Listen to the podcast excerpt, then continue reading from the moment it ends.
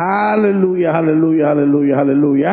Tuhan memberkati Bapak Ibu Saudara sekalian. Haleluya. Buka kitab kita sama-sama dalam 1 Korintus pasal yang kedua. Hari ini yang akan kita bicara bersama-sama adalah memiliki pikiran Kristus. Masalah dengan banyak orang terletak pada pikirannya. Kenapa dia panik? Kenapa dia bingung? Itu sebabnya hari-hari ini banyak orang yang cepat marah-marah. Kenapa? Karena lagi banyak persoalan. Dan dia mulai di pikiran, jangan-jangan begini, jangan-jangan begini, jangan-jangan begini. Sehingga nggak boleh ada isu sedikit aja melontar. Eh bye-bye lo, nanti begini, begini, begini. Ah masa? Ayo, iya, katanya gitu. Sehingga, dan selalu saya bilang, our mind is the battlefield. Pikiran kita itu tempat peperangannya. Itu sebabnya dalam situasi seperti ini saya percaya sudah pergi ke gereja, pendeta selalu bilang jangan takut. Tapi sementara pendeta bilang jangan takut, pikiran kita bilang begini nih pendeta enak aja ngomong jangan takut, jangan takut kalau beras naik, ini naik, dolar naik, apa-apaan ya nggak takut katanya gitu. Sehingga kunci persoalan kita letaknya di pikiran kita. Kadangkala masalah kita nggak sebesar pikiran kita. Kesulitan kita nggak sebesar pikiran kita. Penyakit kita nggak sebesar pikiran kita. Itu sebabnya yang hari ini kita mau belajar bersama-sama bagaimana kita memiliki pikiran Kristus. Amin Saudara. Nah, dalam 1 Korintus pasal 2 ini mulai ayat yang ke-6. Sungguh pun demikian, kami memberitakan hikmat di kalangan mereka yang telah matang. Yaitu hikmat yang bukan dari dunia ini dan yang bukan dari penguasa-penguasa dunia ini yaitu penguasa-penguasa yang akan ditiadakan.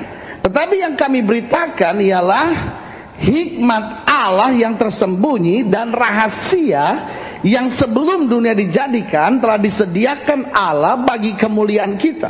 Lihat, sebelum di dunia dijadikan telah disediakan Allah bagi apa saudara kemuliaan kita. No, Alkitab bilang sudah disediakan Allah sebelum apa saudara dunia di jadikan. Jadi saudara jangan pikir terlalu susah, saudara jangan pikir terlalu panik karena Tuhan sudah tahu sebelumnya dan segala sesuatunya disediakan bagi kemuliaan orang yang percaya. Ayat 8. Tidak ada dari penguasa dunia ini yang mengenalnya. Sebab kalau sekiranya mereka mengenalnya, mereka tidak menyalibkan Tuhan yang mulia. Tetapi seperti ada tertulis, apa yang tidak pernah dilihat oleh mata, dan yang tidak pernah didengar oleh telinga, dan yang tidak pernah timbul dalam hati manusia, semua yang disediakan Allah untuk siapa saudara? Mereka yang mengasihi dia. Kalimat mereka mengasihi dia sudah boleh dalam kurung begitu, tulis nama saudara. Jadi waktu saudara ingat baca ayat ini, semua disediakan Allah untuk saya. Wah, itu indah. Karena kepada kita Allah telah menyatakannya oleh roh. Sebab roh menyelidiki segala sesuatu bahkan hal-hal yang tersembunyi dalam diri Allah. Siapa gerangan di antara manusia yang tahu apa yang terdapat di dalam diri manusia selain roh manusia sendiri yang ada di dalam dia? Demikian pula lah tidak ada orang yang tahu apa yang terdapat di dalam diri Allah selain roh Allah. Kita tidak menerima roh dunia tetapi roh yang berasal dari Allah supaya kita tahu apa yang dikaruniakan Allah kepada kita. Dan karena kami menafsirkan hal-hal rohani kepada mereka yang mempunyai roh, kami berkata-kata tentang karunia-karunia Allah dengan perkataan yang bukan diajarkan kepada kami oleh hikmat manusia tetapi oleh roh. Tetapi manusia duniawi tidak menerima apa yang berasal dari roh Allah. Karena hal itu baginya adalah suatu kebodohan dan ia tidak dapat memahami sebab hal itu hanya dapat dinilai secara rohani.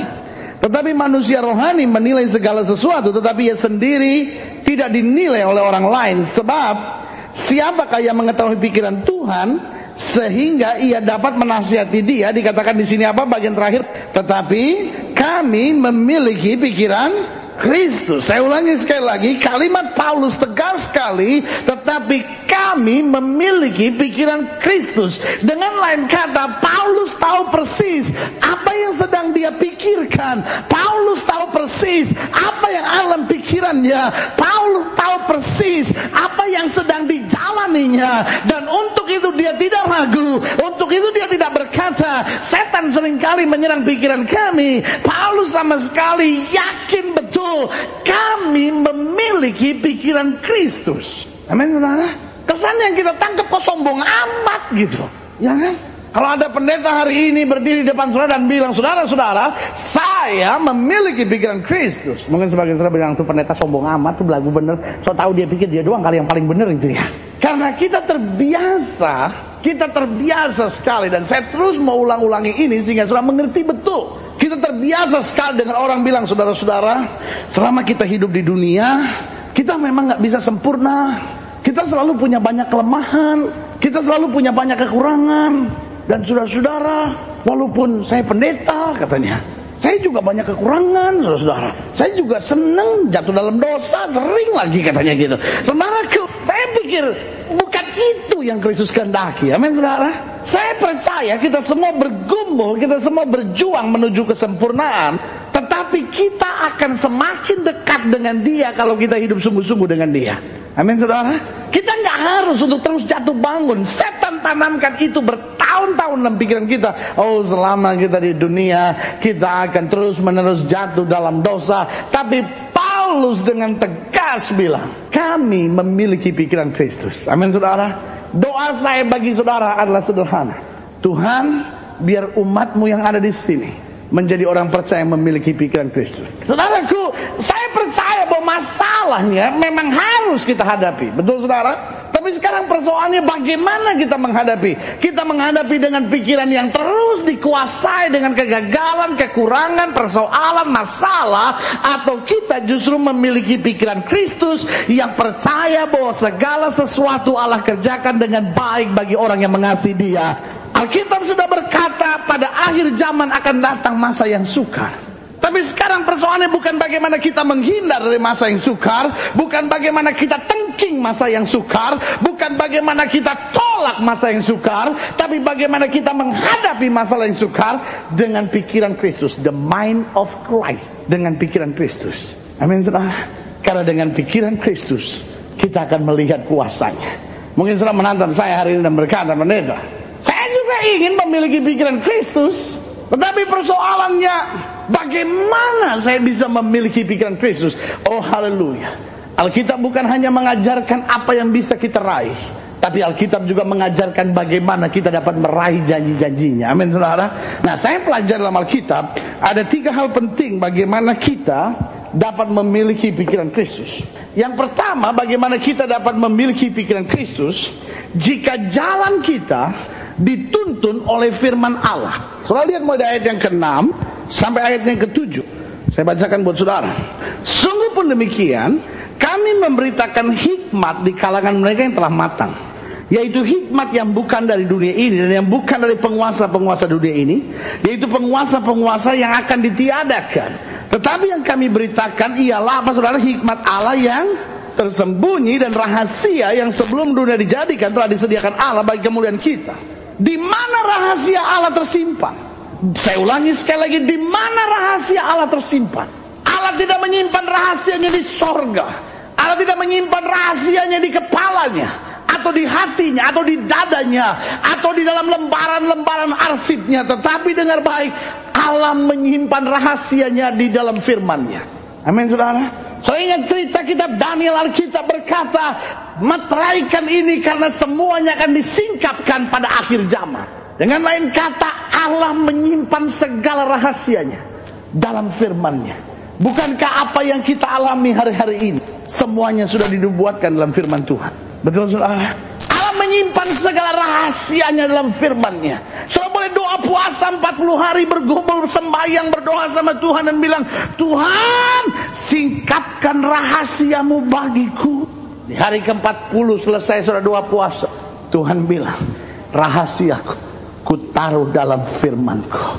Ada banyak orang pikir akan dengar rahasia Tuhan itu berarti dia selesai doa puasa 40 hari 40 malam dia dengar suara petir sambar menyambar lalu berkata anakku bersiaplah ada rahasia yang aku mau ceritakan tapi jangan bilang siapa-siapa Allah singkapkan semua rahasianya di dalam firman-Nya Amin saudara. Dengan lain kata kalau kita baca Alkitab dengan betul. Dengan lain kata kalau kita baca firman Tuhan dengan betul, tidak ada yang tidak kita ketahui dalam hidup ini. Tidak ada yang akan membingungkan kita dalam hidup ini. Karena segala rahasianya telah Allah singkapkan dalam firman-Nya. Itu sebabnya Alkitab bilang orang yang berjalan seturut firman Tuhan tidak miring ke kiri maupun miring ke kanan. Tidak akan dibiarkan jatuh, diangkatnya naik. Tidak dibiarkan menjadi ekor, dipimpinnya menjadi kepala. Kenapa? Karena dia mengerti rahasianya. Nah, saya pelajari di sini bicara tentang firman itu bicara tentang hikmat Allah. Dikatakan sungguh pun demikian kami memberitakan hikmat di kalangan mereka yang telah matang. Apa artinya hikmat?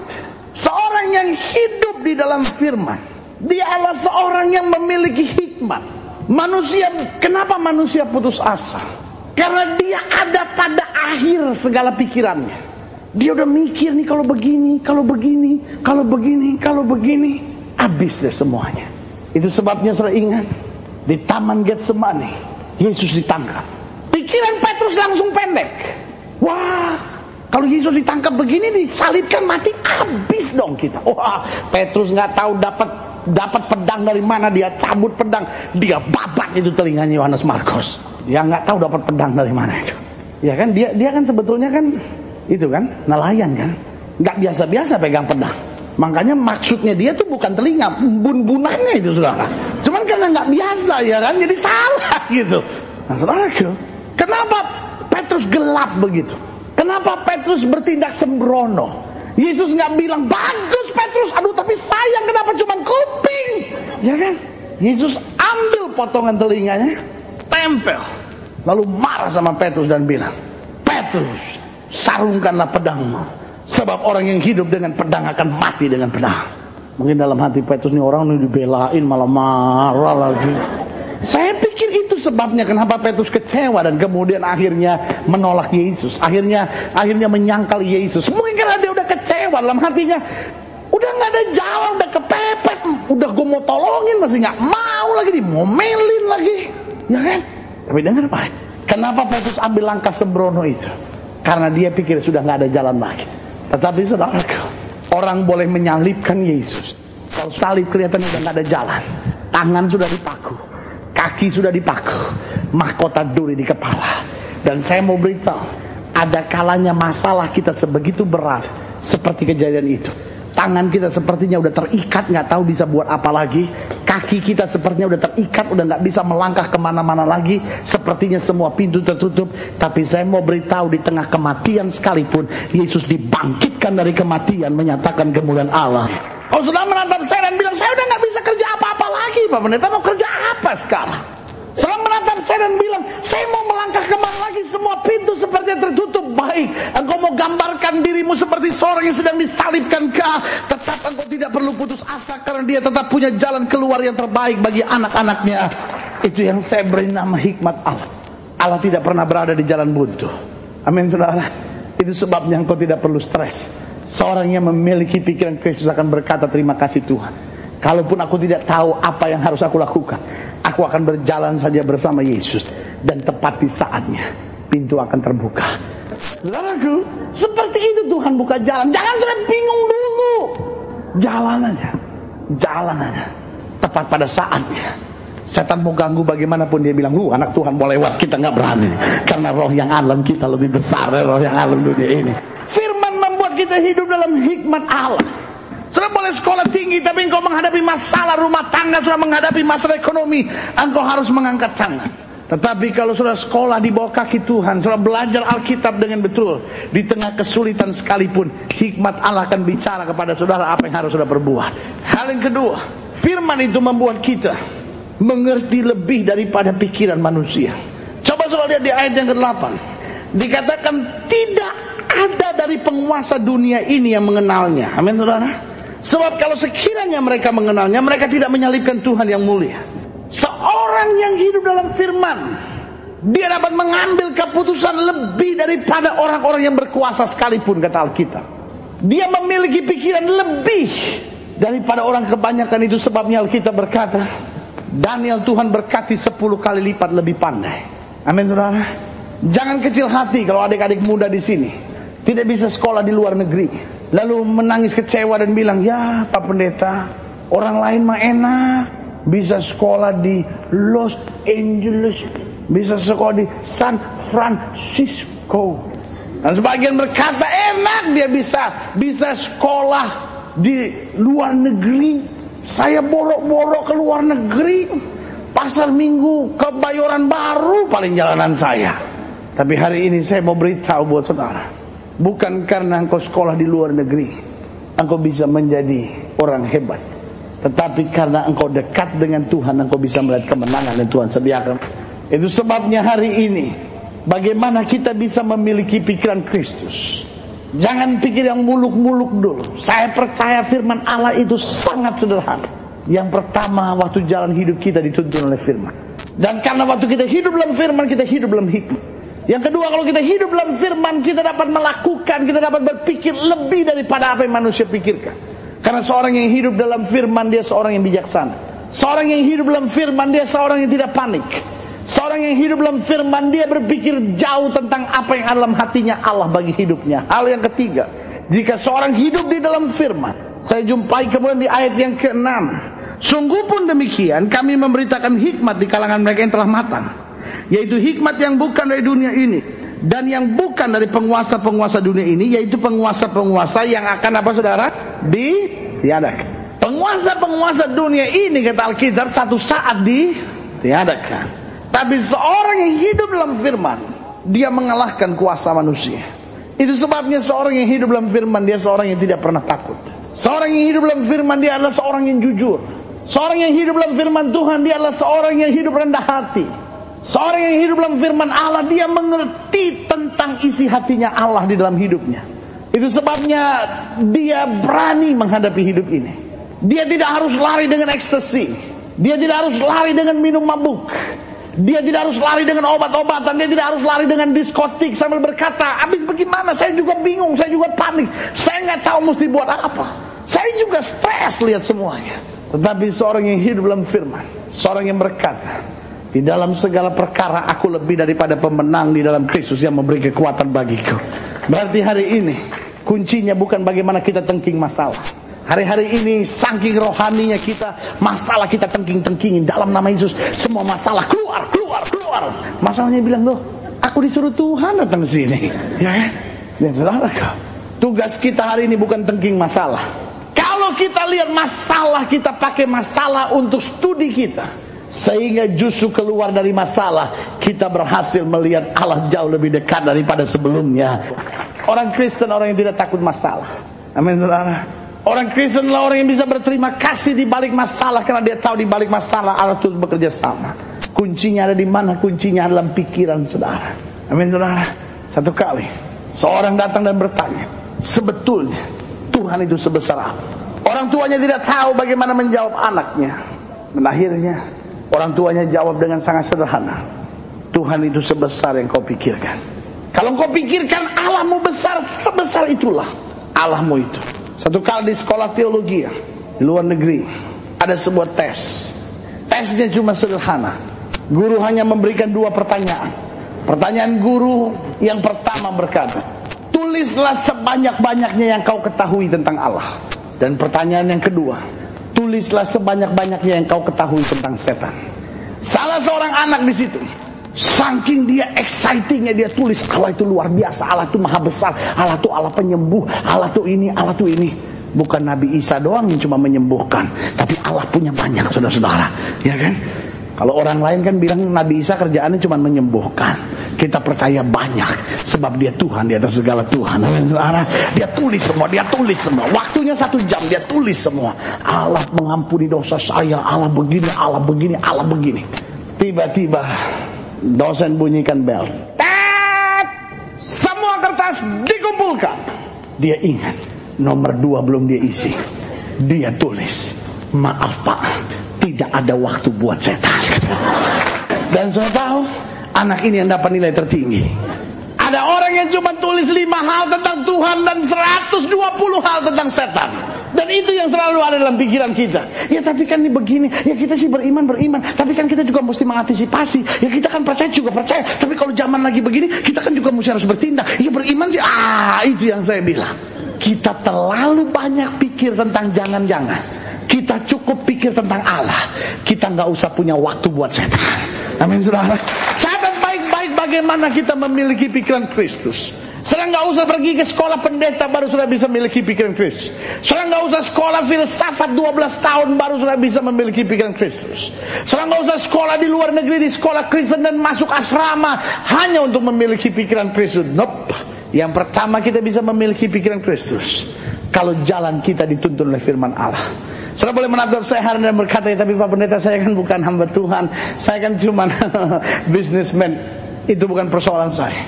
Tetapi persoalan yang sedang saya bicarakan hari ini bukan apa jabatan saudara, bukan apa kesibukan saudara, bukan apa tugas saudara, tapi yang sedang saya bicarakan hari ini bagaimana di tengah segala tugas dan tanggung jawab kita kita memiliki pikiran Kristus. Hal yang kedua, bagaimana supaya kita memiliki pikiran Kristus? Saya jumpai di ayat yang ke-12. Di ayat yang ke-12 bilang begini. Kita tidak menerima roh dunia, tetapi apa saudara?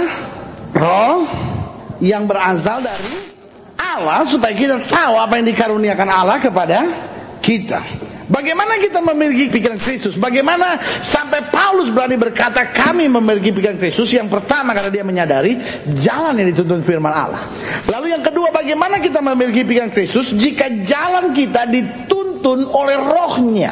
Itu sebabnya di ayat yang ke-12 dikatakan kita tidak menerima roh dunia, tetapi roh yang berasal dari Allah supaya kita tahu apa yang dikaruniakan Allah kepada kita. Bagaimana kita memiliki pikiran Kristus jika jalan hidup kita dituntun oleh rohnya dan itu harus seimbang. Kita harus dituntun oleh firman Allah. Ada banyak orang yang bilang yang penting firman, yang penting firman, tidak penting tentang Roh Kudus. Sebagian lagi bilang yang penting Roh Kudus, urapan, urapan, urapan, urapan, tapi tidak baca firman. Saudaraku, dia harus berjalan bersama-sama. Amin, saudara. Firman harus menjadi landasannya, harus menjadi dasarnya, dan Roh Kudus yang akan menyertainya. Sebab waktu jalan kita dituntun oleh Roh Kudus, kita akan memiliki pikiran Kristus. Saya saya pelajari di sini ada beberapa perkara penting. Sebab Roh Allah di ayat yang ke-10 saya baca buat saudara, karena kepada kita Allah telah menyatakan oleh Roh. Sebab Roh dikatakan apa saudara menyelidiki segala sesuatu, bahkan hal-hal yang tersembunyi dalam diri Allah. Amin, saudara. Ada banyak hal yang kita nggak mengerti.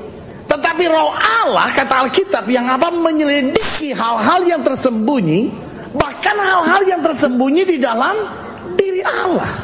Hal-hal yang selama ini kita nggak mengerti, kita bertanya, tapi kenapa Tuhan izinkan masalah? Tapi kenapa Tuhan izinkan persoalan? Seorang yang hidup di dalam roh Allah akan dipimpin untuk mengerti karena roh Allah, saya catat di sini, Allah perantara yang menyelidiki yang ada di dalam diri Allah. Roh Allah Allah jembatan yang membuat saya yang hidup di dalam daging ini, saya yang masih hidup di dunia ini, tetapi bisa hidup dengan memiliki pikiran Kristus dan dituntun dengan Roh Kudus. Amin saudara. Itu sebabnya Alkitab berkata pemberitaan tentang salib bagi dunia ini adalah kebodohan. Yang kedua waktu kita hidup dalam roh Allah, roh Allah membuat saya tahu apa yang dikaruniakan bagi saya. Di ayat yang ke-12 dikatakan, kita tidak menerima roh dunia, tetapi roh yang berasal dari Allah supaya apa saudara? Supaya kita tahu apa yang dikaruniakan Allah kepada kita. Kadangkala persoalannya, kita cuma tahu masalah yang kita hadapi, tapi kita nggak tahu apa yang Allah karuniakan buat kita. Itu sebabnya kita panik, itu sebabnya kita gelisah. Karena kita baca dalam koran, wah akan terjadi ini. Kita dengar omongan orang, kita baca di internet, akan jadi begini, akan situasinya begini. Kita cuma tahu apa yang dunia mau berikan buat kita. Ancaman yang mau terjadi dalam hidup kita. Tetapi kita sebetulnya nggak mengerti apa yang Allah karuniakan buat kita. Amin, saudara. Saudara ingat cerita tentang orang kusta itu. Datang kepada Yesus, dia tahu persis apa yang dikaruniakan kepada dia.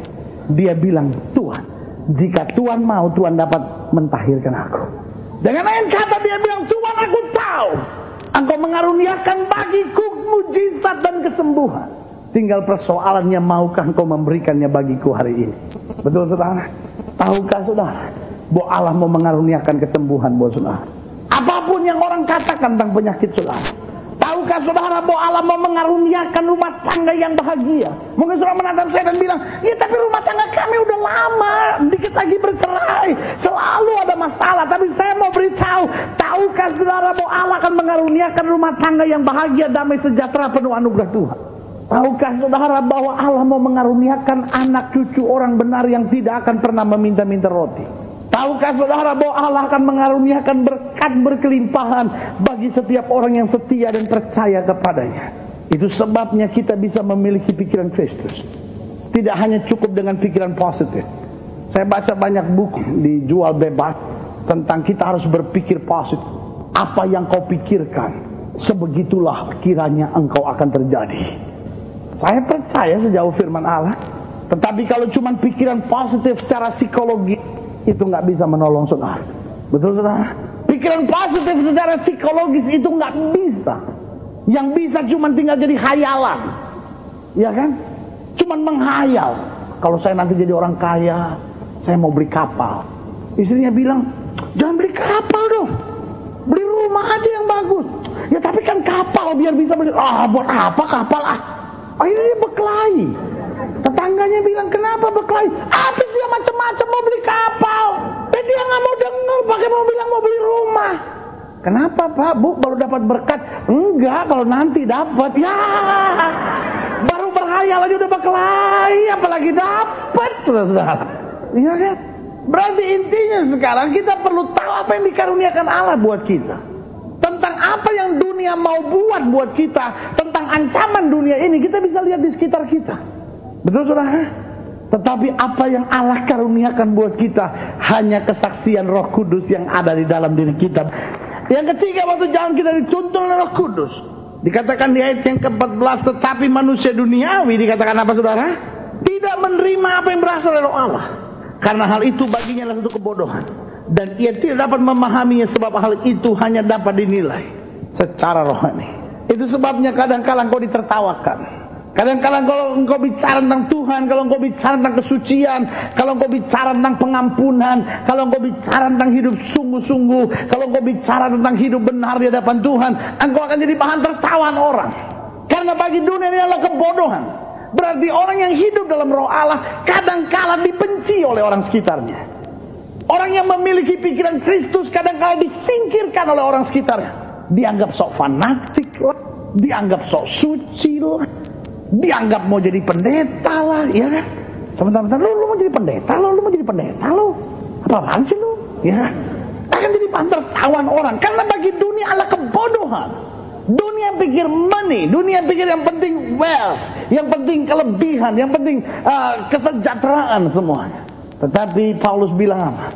Kami memiliki pikiran Kristus.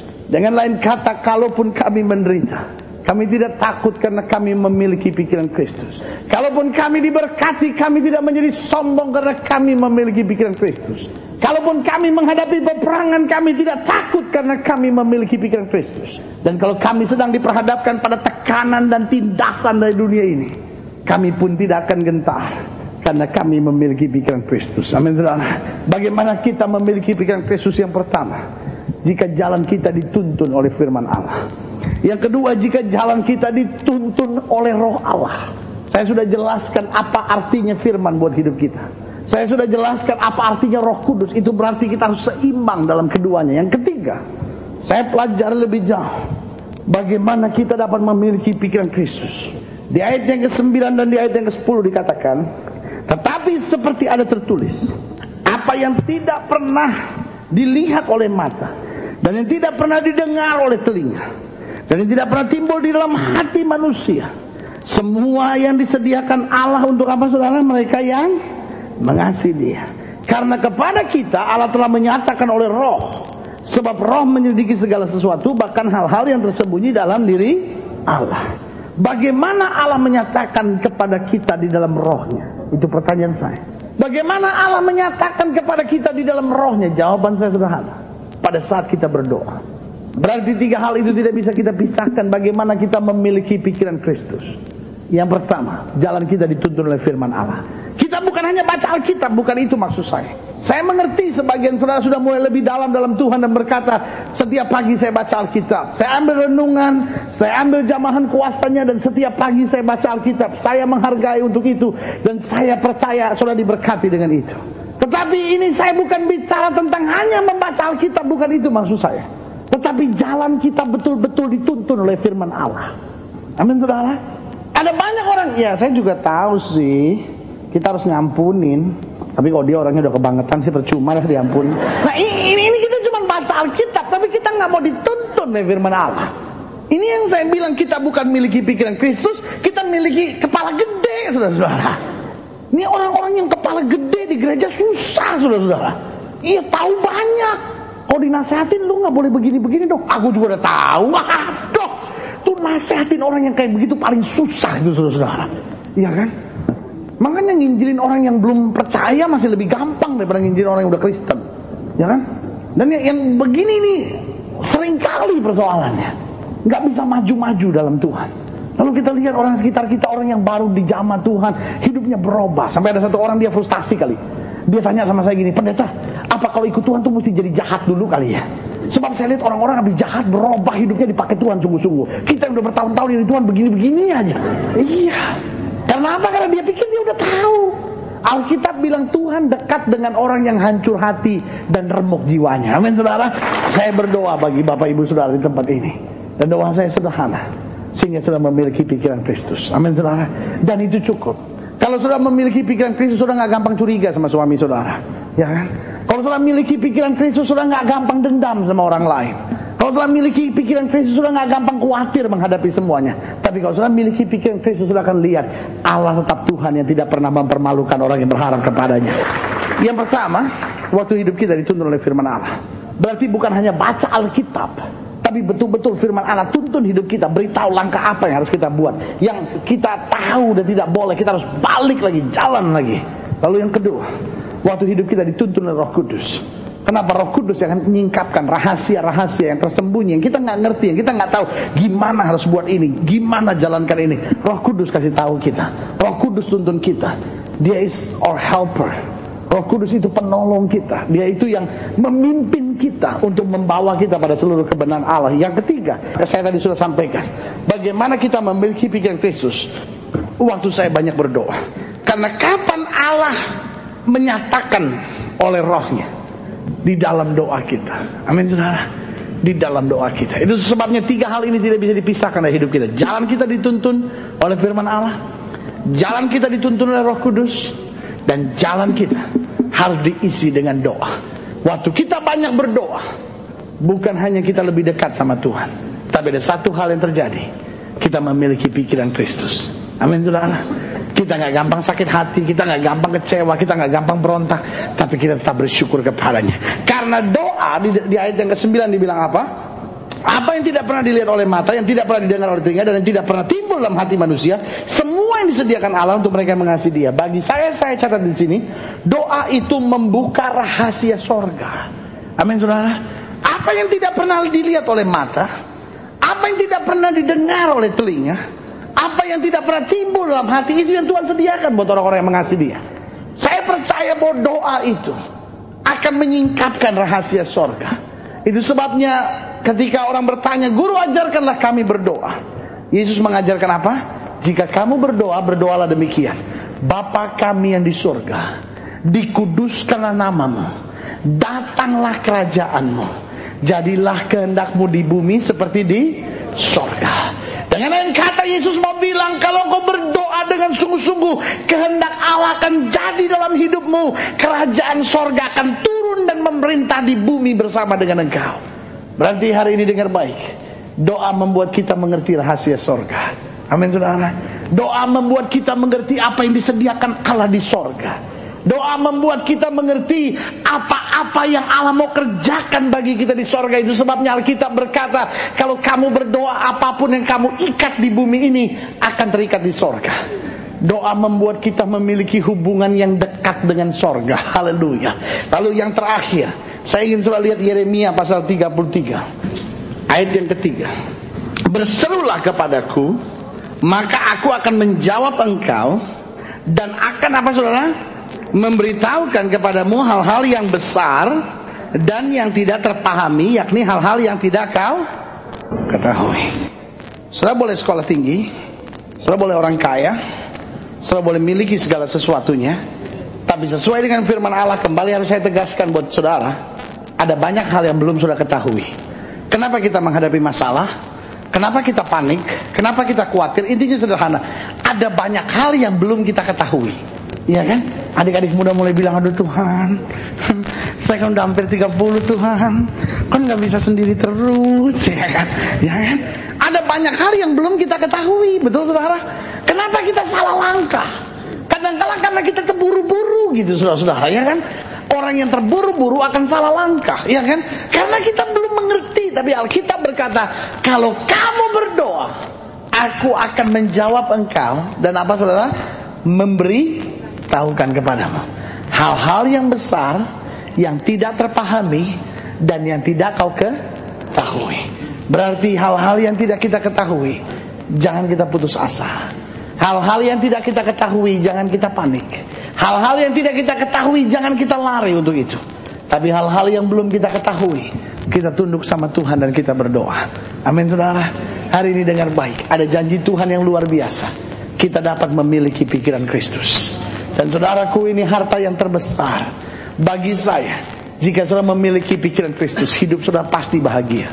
Jika saudara memiliki pikiran Kristus, rumah tangga saudara pasti penuh damai sejahtera. Jika saudara memiliki pikiran Kristus, hidup saudara pasti akan maju.